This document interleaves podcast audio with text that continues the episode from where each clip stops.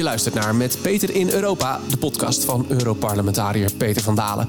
Voor de ChristenUnie zit hij in de Christendemocratische EVP-fractie van het Europees Parlement. In elke aflevering praat ik met hem over de ontwikkelingen en de gang van zaken in dit grote politieke instituut. Dag Peter. Dag Segert. Vandaag gaan we het hebben over de pulsvisserij. Lijkt mij een klein beetje trekken aan een dood paard, maar je mag me aan het eind van het gesprek overtuigen dat dat dan niet zo is. Eerst wil ik even het geheugen opfrissen en vul me vooral aan en corrigeer me als ik het niet goed doe hoor, als ik het niet goed zeg. Um, pulsvissen is een methode waarbij vissers gebruik maken van een zogenaamde pulskor. Dat is een soort net dat over de zeebodem wordt getrokken. Dat geeft elektrische pulsen af en daardoor schrikken de vissen, met name platvissen, vooral tong. Die vissen zwemmen omhoog en die zwemmen zo het net van de visser in. Klopt dat een beetje? Zegert, geweldig. Mooi. Geslaagd. Yes. goed. Heel goed. Klinkt als een hele bijzondere methode, maar hij is verboden. Ja, helaas is de methode verboden, omdat er elektriciteit bij komt kijken. En daar begint meteen ook de verwarring, want heel veel mensen denken natuurlijk: oh, elektriciteit en water, dat zal wel heel erg zijn. Nou, dat is in dit geval niet zo. Maar elektrisch vis is al in de jaren 50 verboden geworden. Dat komt omdat in de jaren 50 in Italië veel vis werd gevangen met elektriciteit. Dan gooide men een enorme grote elektrische spoel in de Middellandse Zee. Tjak, dan zette er 1500 volt op. En je had meteen je schip vol met vis. Hartstikke dood. Ja, ja, maar je had vis. Nou, dus elektrisch vissen is toen verboden geworden. En uh, Nederland heeft dus in de afgelopen jaren, tussen 2010 en 2018, ontheffingen gevraagd om met die pulskorvisserij toch te mogen vissen. Want ja, het grote voordeel daarvan is. Je hoeft niet meer met zware kettingen door de zeebodem te trekken om die tongetjes in je net te krijgen. Het net zweeft net boven uh, de zeebodem. En uh, via die elektrische schokjes schrikken dan die vissen op uit het zand en die verdwijnen in het net erachter. Dus je hebt ook niet veel grote motoren meer nodig. Je CO2 gaat heel erg verminderd worden. Je brandstofverbruik vermindert heel erg. En dat bespaart enorm op de kosten. Dus het is een super methode die ook milieuvriendelijk is. Maar goed, door een, combinatie van, laat ik zeggen, emotie, eh, competitiegevoelens vanuit andere landen, valse informatie. Eh, is uiteindelijk de methode helaas verboden geworden. Heel even een klein stapje terug. De traditionele methode, dan sleep je dus een zwaar net over de bodem.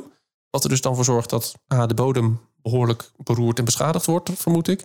Die vissen die komen dan in het net. Zwaarder, zeg je al. Dus meer brandstof nodig. Ehm, klinkt eigenlijk alsof de pulsvisserij... Ja, alsof dat een hele mooie stap is vooruit. Minder bodembeschadiging, uh, minder CO2-uitstoot, minder kosten voor de vissers. Uh, Klinkt heel goed allemaal. Zeker, ik heb er geen komma aan toe te voegen. Je slaat de spijker op zijn kop. We hoeven niet meer door die zeebodem te ploegen zoals dat vroeger ging met zware bomen en kettingen. Uh, maar ja, de combinatie van wat ik zeg, emotie, uh, onjuiste informatie. Bijvoorbeeld, er is een organisatie geweest in Frankrijk. Bloom heet die club. We hebben het vaker over gehad. Ja, ja en, en die zeggen van ja, de vis wordt geëlectrocuteerd. Nou, dat is 100% gelogen. Hè? Eh, maar op grond van dat soort overwegingen, en dat kwam natuurlijk een aantal collega's bijvoorbeeld in Frankrijk goed uit, om daarachter weg te kruipen en tegen te stemmen. Hoezo, hoezo voor Frankrijk? Nou ja, kijk, Nederland um, uh, is een innovatief land, ook in dit vlak. Wij hebben hier echt een voortouw in gehad. We zijn echt supergoed geweest. Maar de Fransen hebben uit jaloezie daarom tegengestemd. Ik haast mij bij te zeggen dat de Nederlandse overheid dat tussen 2010 en 2017 ook niet slim heeft gedaan. Nee, Het enige wat wij deden was in Brussel vragen om nog meer ontheffingen om met elektriciteit te mogen vissen. En we deelden die informatie niet met andere landen. Het was geen transparant proces, totaal niet inclusief. En dat heeft ook bijgedragen tot uh, dit deksel wat op onze neus is gevallen, helaas. Ja, ja dus dat komt dat concurrentiepeting om de hoek kijken weer, ook een beetje. Absoluut. Wat mij opviel tijdens de voorbereiding van de week in die periode, voor, voor dat verbod, hè, voor, voor 2019, was het dus toegestaan. Je kon een ontheffing krijgen omdat er onderzoek gedaan werd naar de methode. Alleen op het moment dat de pulsvisserij verboden werd, was het onderzoek nog niet afgerond. Zeker, ook dat is helaas een feit. Het onderzoek is gestart vanaf 2016, begin 2017. En iedereen wist, en dat was ook toegezegd, dat gaat een jaar of vijf, zes duren. Uh, nou, de uitkomsten van dat onderzoek zijn niet afgewacht. En ook dat is weer zo'n aspect waaruit je kunt zien. Het ging uiteindelijk om competitie, jaloezie, weg met die Hollanders, uh, dat soort gevoelens. Uh, en het onderzoek is ja, eigenlijk pas afgelopen jaar afgerond geworden. Ja. Te laat. Te laat, maar we gaan het er toch gewoon over hebben. Want ehm, dinsdag 28 maart organiseerde jij hierover een event met dokter Pim Bout. Hij heeft dit onderzoek gedaan naar die methode, naar de pulsvisserij. Um, ja, ik zie het onderzoek hier eh, voor me op tafel liggen. Zal ik het even laten vallen? Dan hoor je ongeveer hoe dik het is. 300 pagina's. Stevig onderzoek. Um, dus ik ga je iets onmogelijks vragen, maar ik ga het toch doen. Kun je eens kort samenvatten? Wat, wat zijn zijn uitkomsten? Ja, en wat ik nou zo mooi vond van dit onderzoek is... en eh, toch even terug naar dat dode paard wat jij in het begin uh, noemde. Kijk, um, begin februari heeft de Europese Commissie een heel pakket aan wetgevingsvoorstellen gedaan en actieplannen. En dat heeft één doel, namelijk de visserij moet duurzaam worden. Moet toekomstbestendig worden. Uh, nou, wij zijn dus nu in het Europese parlement bezig om die actieplannen te bespreken. En daarom vond ik het zo mooi dat juist nu uh, Pim Bouten met zijn onderzoek kwam. Want uh, de puls komt in zijn onderzoek er heel goed uit. Hij heeft onderzoek gedaan naar diertjes die in de zeebodem leven. Hij heeft onderzoek gedaan naar vissen uh, die in het water leven. Uh, hij heeft met röntgenstralen uh, 17.000 vissen heeft hij geanalyseerd op de effecten van de puls. 17.000, dat zijn niet allemaal 17.000 verschillende soorten, neem ik aan, toch? Nee, de, in de Noordzee leven ongeveer 150 soorten vis. Hij heeft van die 150 soorten een stuk of 12 onderzocht. In ieder geval de vissen die elektrisch gevoelig zijn. Dat zijn roggen en bepaalde haaiensoorten. Maar ook vissen die niet gevoelig zijn voor um, elektriciteit. Hij heeft ook zeesterren ontzocht, zeekomkommers. Jo, je kan het niet. Hij heeft de hele weer en alles grondig, hè? Met camera-toezicht, met uh, röntgenanalyses, uh, zowel in de zee, maar, maar ook in proefopstellingen in grote bakken uh, in de universiteitsgebouwen. Ik heb ze zelf gezien, ik ben er geweest. Nou, en de conclusie is: de puls is puik. De puls doet helemaal geen schade aan andere dieren. Niet aan kleine beestjes in het zand, niet aan vissen in het water. Eén uitzondering, dat is over de Atlantische kabeljauw. Als de kabeljauw in het pulsnet komt, mm -hmm. wat niet zo vaak gebeurt, omdat de kabeljauw uh, toch uh, niet zo dicht bij de bodem zwemt. Maar als die in dat net zou komen, dan kan het zijn dat bij 3% van bepaalde soorten kabeljauw de rugvin beschadigd wordt. Nou, daar zei hij ook van, dat kunnen we oplossen, want dan moet het net wat smaller worden en we moeten er een paneel voor hangen. Dat is een klein netje, waardoor die kabeljauw er niet meer in komt. Dus hij zei dat probleem, voor zover het al echt groot is, wat het niet is, kunnen we makkelijk oplossen. Dus conclusie van Bouten was supergoed die puls. We moeten er nog wel verder naar studeren om met name dit probleem van die kabeljauw op te lossen. Maar hij zei meteen, uh, we moeten hiermee verder. Nou, dat vond ik dus een goede combinatie. De Europese Commissie, die begin februari met het pakket voorstellen kwam... de visserij moet beter, duurzamer. Uh, en Bouten die zegt, nou, gebruik de puls. Ja, maar dan toch, ik bedoel, even naar dat event hè, dat jullie hadden... Um, ik neem aan dat daar niet alleen maar voorstanders in de zaal zaten. Nee, bepaald niet. Um, uh, onder andere mensen van Bloem waren aanwezig. Nou, die zeiden van uh, wij zijn tegen de puls, wij zijn tegen de industriële visserij, mm -hmm. wat dat dan ook mogen zijn. En uiteindelijk bij wat doorvragen, ze zijn eigenlijk gewoon tegen visserij. Ja. Uh, maar hij was ook een voorman van de Franse visserijorganisatie. En die zei van nou kijk, tegen de puls op zich, daar hebben we niet eens zulke grote bezwaren. Maar die Nederlanders kwamen in onze wateren met heel veel schepen, gingen daar hun eigen gang, was geen enkel overleg, er was geen toezicht. En daar hebben we al een pesthekel aan gekregen op de manier waarop die Hollanders hier kwamen vissen. Nou, toen stond de voorman van de Nederlandse vissersorganisatie, die er ook was, die stond op. En die zei van, nou joh, ik steek nu mijn hand naar jou uit. Laten we dan dat verdere onderzoek naar de verbeteringen van die puls nu samen gaan doen.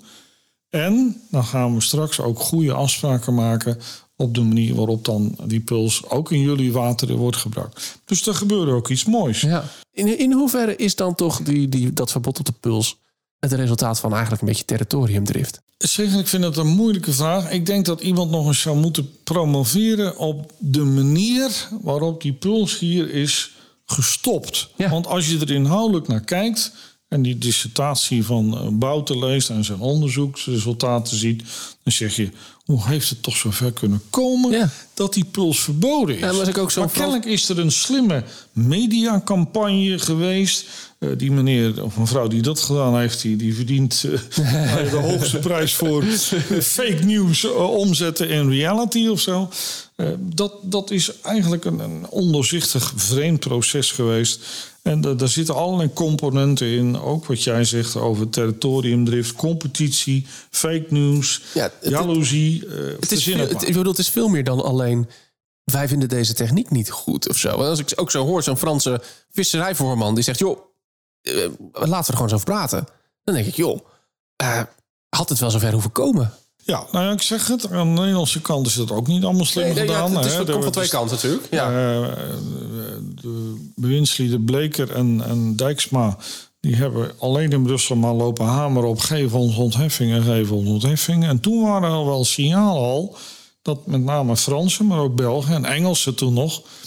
en daar echt wel problemen mee hadden Ja. met die pulsen. Omdat de Nederlanders niks duidelijk maakten. Dus het is ook een proces wat aan de Nederlandse kant niet even goed eh, gedaan is. Maar het feit is nu... Helaas is nu een prachtige methode waarvan na onderzoek ook bewezen is dat die prachtig is, is tot stilstand gebracht. Maar ik zie dus het paard weer levend kunnen worden. Ja? Want de Europese Commissie heeft nou, enkele weken geleden gezegd... er moet toekomst zijn voor de visserij, die moet duurzaam zijn. En ik zeg, prima, pak het op met die puls. Hoe groot acht jij de kans dat dat gaat gebeuren? Nou, en dat is een proces wat toch wel een kans maakt. Eh, ik heb hier eh, over gesproken met mijn partijgenoot minister Piet Adema. Die gaat dit ook bespreken met zijn Franse collega. Want de uitkomst van deze meeting in het Europees Parlement was dat ik gezegd heb... Nederland en Frankrijk moeten nu samen het voortouw nemen... naar dat verdere onderzoek om de puls te verbeteren. We maken dus een inclusief proces van... En eh, nou, Adema heeft daar ook eigenlijk meteen al adequaat op gereageerd bij een debat deze week in de Tweede Kamer, toen hij daar ook vragen over kreeg. En toen heeft hij ook gezegd, ja, we moeten met Frankrijk samen de puls verder gaan verbeteren en verfijnen. Dus dat proces loopt. Ja. Eh, en ik ben nu bezig in het Europese parlement, omdat, ja, wat ik je zei, de voorstellen van de Europese Commissie worden komende maanden behandeld in het Europees parlement. Dus ik ga nu ook mijn collega's met deze dissertatie in de hand overtuigen van joh, zet nou in onze reactie dat we ook die puls weer een kans moeten geven. Dus dat proces begint nu op gang te komen. Ja, is daar nog heel erg aan het begin. Frankrijk is dus een belangrijke speler hierin. Wat denk je? Ik bedoel, eh, eh, eh, vanuit Nederland is, is de wil en de ambitie er wel. Hoe staan de Fransen daarin? Ja, nou, ik weet in ieder geval, in Nederland is er een ruime Kamermeerderheid ook voor deze gang van zaken. Dus er is voldoende steun voor de regering om hiermee aan de slag te gaan, voor het kabinet om hiermee aan de slag te gaan. Bij de Fransen, nou, we hebben dus een prachtig signaal gezien van die voorman van de Franse visserij deze week. Maar daar zal natuurlijk toch eh, de weerstand en de jaloezie en, en ook misschien onbekend, eh, Ja. onbemind. Eh, want er moet echt geïnvesteerd worden in de relatie met die Fransen. Misschien moeten we die Franse eh, staatssecretaris of minister en, en, en een reeks ambtenaren eens een dagje mee laten varen op zo'n pulskotter. Met Pim Bouter aan boord om nog eens uit te leggen hoe het allemaal zit. Dat soort dingen moet allemaal gebeuren. Dus ik hoop met name dat eh, in Den Haag en het ministerie, zowel qua inhoud, maar ook qua proces, eens even een paar slimme mensen bij elkaar zetten. Hoe kunnen we nou die Fransen aan onze kant krijgen en wat is daarvoor nodig? Ja. ja. Dan zaten er natuurlijk ook vissers in de zaal, denk ik. Vissers die toch al een beetje in de hoek zitten waar de klappen vallen de laatste tijd. Aanlandplicht, hoge brandstofprijzen. We hebben het hier wel eens gehad over camera's aan boord, notabene. Eh afschaffing van de pulsvisserij, die, ja, die hen ook eh, ja, tonnen gekost heeft volgens mij. De, eh, hoe reageerden zij? Ja, en waren vissers uit Frankrijk, maar ook uit Nederland.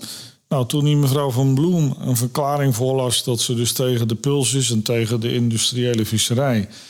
Ja, toen zagen dus een aantal Nederlandse vissers voor het eerst eh, echt oog in oog de mensen die hun brood uh, ja, uit de mond hadden gestoten en broodeloos hadden gemaakt.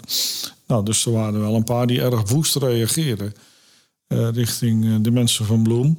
Tegelijkertijd was dat ook na, na een paar minuten wel weer voorbij. En zeiden eigenlijk alle vissers hetzelfde van... natuurlijk, dit is zo'n mooie methode. We moeten echt opnieuw proberen dit weer op de agenda te krijgen. Dus hartstikke mooi dat we hier vandaag geweest zijn. Dit is het begin van een doorstart, of misschien van een revival van een dood paard, hoe je het wilt noemen, om de puls weer uh, op de agenda te krijgen. Dus die vissers gingen echt uh, bemoedigd uh, de deur uit. En uh, nu hebben we het veel over Nederland, over Frankrijk. Dat zijn natuurlijk de landen die hier in, de, die hier een verleden hebben. Hoe verder binnen, binnen Europa, binnen de EU? Nou, nou, een key player is natuurlijk ook de Europese Commissie. Uh, meneer Sinkevicius, die is de visserijcommissaris. Die heb ik de dissertatie ook gegeven. En ik heb hem gezegd, joh, kijk er eens naar. Hij zegt, Peter, ik sta er open in. Uh, als nou echt blijkt dat dit zo'n goede methode is... dan ga ik niet was liggen. Dan wil ik ook in zo'n proces best meedenken. Dus uh, ik ben nu bezig, uh, uh, zowel bij de Europese Commissie als bij de andere ministers, in de ministerraad deze dissertatie te verspreiden. En in het Europees Parlement. Er moeten natuurlijk een aantal partijen nu in beweging gaan komen. Daar ben ik nu mee doende. En ik weet, Piet Adema, onze minister, doet dat hetzelfde. Nou, ik ben heel benieuwd. Ik ben benieuwd of dit paard nog een keer tot leven gaat komen. Nou, ik vond het wel leuk om nog even toe te voegen. Er was ook iemand van een Nederlandse milieuorganisatie die van de week in de pers was. Meen in de Telegraaf of een van die kranten. En die zei van nou, dit is wel het hele goede moment om die discussie over de puls weer te openen. Want er ligt een duidelijke dissertatie met heldere uitkomsten. En er liggen nu de voorstellen van de Europese Commissie om te komen tot een duurzame visserij. Dus als het enige moment is om dit paard weer op de benen te krijgen, dan is het nu. Dan is dit het. Heel goed. Dan is wil ik eventjes met jou over zo'n event praten. Want jullie hebben dus een. Jij, jij met je team waarschijnlijk, hebben zo'n event op poten gezet. Ik vroeg me dan af, hoe vaak doen jullie dat? Waarom doen jullie dat? Wanneer doen jullie dat? Wat bepalen jullie? Hoe bepaal je zo'n thema? Heel veel vragen in één keer. Um, ja, dat is wel echt. heb ik niet geleerd op de opleiding, maar. Uh, nou, zeggen, het is eigenlijk. Wij doen dan, laat ik zeggen, een keer of vier, vijf per jaar een event. Uh, en zo die event voorbereiden, dat is een enorme klus. Daarom ook terecht dat je uh, ons team noemt. Dat is echt met meerdere mensen allemaal voorbereid. Je kiest natuurlijk zoiets aan de hand van uh, ja, je prioriteiten die je politiek stelt. Ja. En de keuzes die je maakt en de actualiteit. Hè. Nu was het natuurlijk zeer actueel, omdat de commissie met die nieuwe plannen is gekomen. nou, dit event betekent dan. We hebben al afgelopen najaar contact gemaakt met Pim Bouten na zijn promotie. Nou, toen kon hij nog niet. En ook qua timing was dat eigenlijk nog niet geschikt. Juist omdat we wisten dat de Europese Commissie begin dit jaar met die nieuwe voorstellen zou komen. Ja, en dan ga je natuurlijk mensen uitnodigen. Um, je gaat een programmaatje maken. Iedereen krijgt daar een rol in. We hadden nu één hoofdspreker. Dat was uh, dokter Pim Bouten van de Universiteit van Wageningen. Maar we hebben ook wel events gehad waarbij bijvoorbeeld drie sprekers hadden met verschillende invalshoeken. Nou, dat is altijd wel een klus om dat allemaal voor te bereiden hoor. Uh, en ook bijvoorbeeld iets heel eenvoudigs, om mensen door de beveiliging te krijgen. Ja, ja dat is ook nog Want mensen moeten van tevoren hun uh, ID, mm -hmm. uh, persoonsgegevens melden, een paspoortnummer. En dat wordt allemaal ook gecontroleerd. En dan krijgt men een sticker om binnen te komen. Maar je komt wel met zo'n sticker binnen, maar dat moet altijd onder begeleiding van mensen uit het team. Ja, ja. Dus ook dat soort dingen die, waar je weinig over hoort en ziet, maar die kosten enorm veel tijd. Dat kost heel veel tijd en energie. Dat, het levert je niet inhoudelijk per se wat op, maar het wordt er altijd wel bij bij dit soort dingen inderdaad. Ja. Hey, en, en wie komen dan als bezoekers op zo'n event af? Nou ja, wat ik zeg in de zaal, uh, als ik het even uit mijn hoofd doe, daar zaten misschien toch wel twintig uh, vissers uit uh, in ieder geval Nederland en Frankrijk. Europarlementariërs of mensen uit hun team. Mm -hmm. um, daar waren er, er, waren toch wel vanuit het Europarlement, denk ik vier of vijf Europarlementariërs zelf of hun team aanwezig. Um, mensen uit de Visserijcommissie, uh, van de staf, ja. de secretaris van de Visserijcommissie uh, heb ik gesproken. Mensen van de Europese Commissie die visserij doen, daar waren er ook een paar van. Journalisten, niet te vergeten. En, en lobbyisten. Hè, Bloem was er. eh, om als de meest eh, pregnante lobbyist te noemen. En ook al mensen van Europesh. Dat is ook een, een visserijlobbyorganisatie. En natuurlijk, eh, wat ik zei, vissers en hun vertegenwoordigers. Ja. Nou, dat is ongeveer het beeld. En, en wat levert je dan op? Wat hoop je dat het je oplevert? Nou, wat, wat eruit was ik dus heel blij mee. Eén, dat die eh, Franse en die Nederlandse vissers daar ter plekke met elkaar in gesprek kwamen. ja. En vooral dat die Fransen zeiden, joh, we moeten vooral goede afspraken maken. Eh, twee, eh, dat er nu verder onderzoek eh, gehouden gaat worden om de puls te verbeteren. En straks als een soort puls 2.0 eh, terug te komen. Ehm, nou, dat kwam er eigenlijk allemaal perfect uit. Dus de, wat wij hadden eh, gehoopt, kwam er ook, kwam er ook uit. Ja, ja nou, dat is ook heel fijn. dat is heel goed. Dan heb je ook succes. Wat, wat, wat, wat ik me nog als laatste afvraag. eh, Er zijn eh, best wel veel Europarlementariërs. 750. Vijf. Vijf. 705. Oh, ja. oh, oh. Ah, ik was zo goed geslaagd net voor mijn kennisexamen. Maar nu uh, zak ik weer door de mand. Oh, Vooruit. geen- 705. Als die allemaal, laten we even zeggen, vier keer per jaar een evenement organiseren. Dan gaat mijn hoofd rekenen. Dan kom ik op ruim 2800 evenementen per jaar. Ehm, gebeurt dat ook echt zo? Zijn Nee, dat zo gebeurt zoveel? het niet. Nee. Kijk, ehm, ik denk dat de meer actieve leden in het Europees Parlement, dus zoals wij, zo'n zo'n drie tot vijf events per jaar organiseren. Eh, maar er zijn ook honderden collega's die dat niet doen, Ja. eh, waar de teller op nul staat of, of één. Eh, maar je hebt wel gelijk. ehm, als ik kijk naar de borden die bij ons, dat zijn elektronische borden met aankondigingen die in de gangen hangen bij ons met events, dan is het in één eh, normale vergaderweek zijn er wel tientallen events, Ja. zoals wij dat nu ook hadden. Eh, en dat is natuurlijk ook niet alle weken. In de zomerperiode gebeurt dat niet. In de winterpauze ook niet. Maar als het seizoen echt volop eh, weer draait, om het zo te zeggen... dan zijn er in een week eh, misschien wel 10 of 20 events. Hey, eh, dan gaan we even kijken naar die agenda. want we- zitten nu week 16. Ik begreep, zit je in Straatsburg? Klopt dat? komende week zit je dan? Ja, maar de, de Straatsburgweek, die inderdaad in week 16 is... daar is de agenda nu nog niet van bekend. Kijk, je moet niet vergeten dat voor zo'n Straatsburgweek... die op een, op een maandag altijd begint in Straatsburg... wordt de agenda pas vastgesteld op de donderdagmiddag daarvoor. Oh ja. Ehm, dan komt de conferentie van fractievoorzitters bijeen. En die beslissen dan op die donderdagmiddag hoe de agenda eruit komt te zien. Dat is dan de conceptagenda. Wat er altijd gebeurt op maandag als we beginnen, dan wordt die agenda ook nog weer op zijn kop gegooid. Eh, natuurlijk, Want Dan ja. wordt er weer gestemd over veranderingen in de, de orde van eh, de vergadering. Maar ik heb dus nu nog niet de ontwerpagenda die de fractievoorzitters moeten voorstellen. Die heb ik nog niet. Nee, nou ja, dan gaan we dan later nog wel eens horen als daar belangrijke dingen uitkomen. Wil ik je voor nu in ieder geval heel hartelijk bedanken. En dan spreken we elkaar binnenkort weer een keer, eh, denk ik. Hartelijk dank. Je luistert naar Met Beter in Europa, een podcast van de ChristenUnie en de EVP-fractie. Mijn naam is Zegert van der Linden. Wil je als eerste op de hoogte zijn van die nieuwe afleveringen? Abonneer je dan op de podcast in je favoriete podcast-app. Dan verschijnen de afleveringen vanzelf in je feed. Dank voor het luisteren en tot de volgende keer.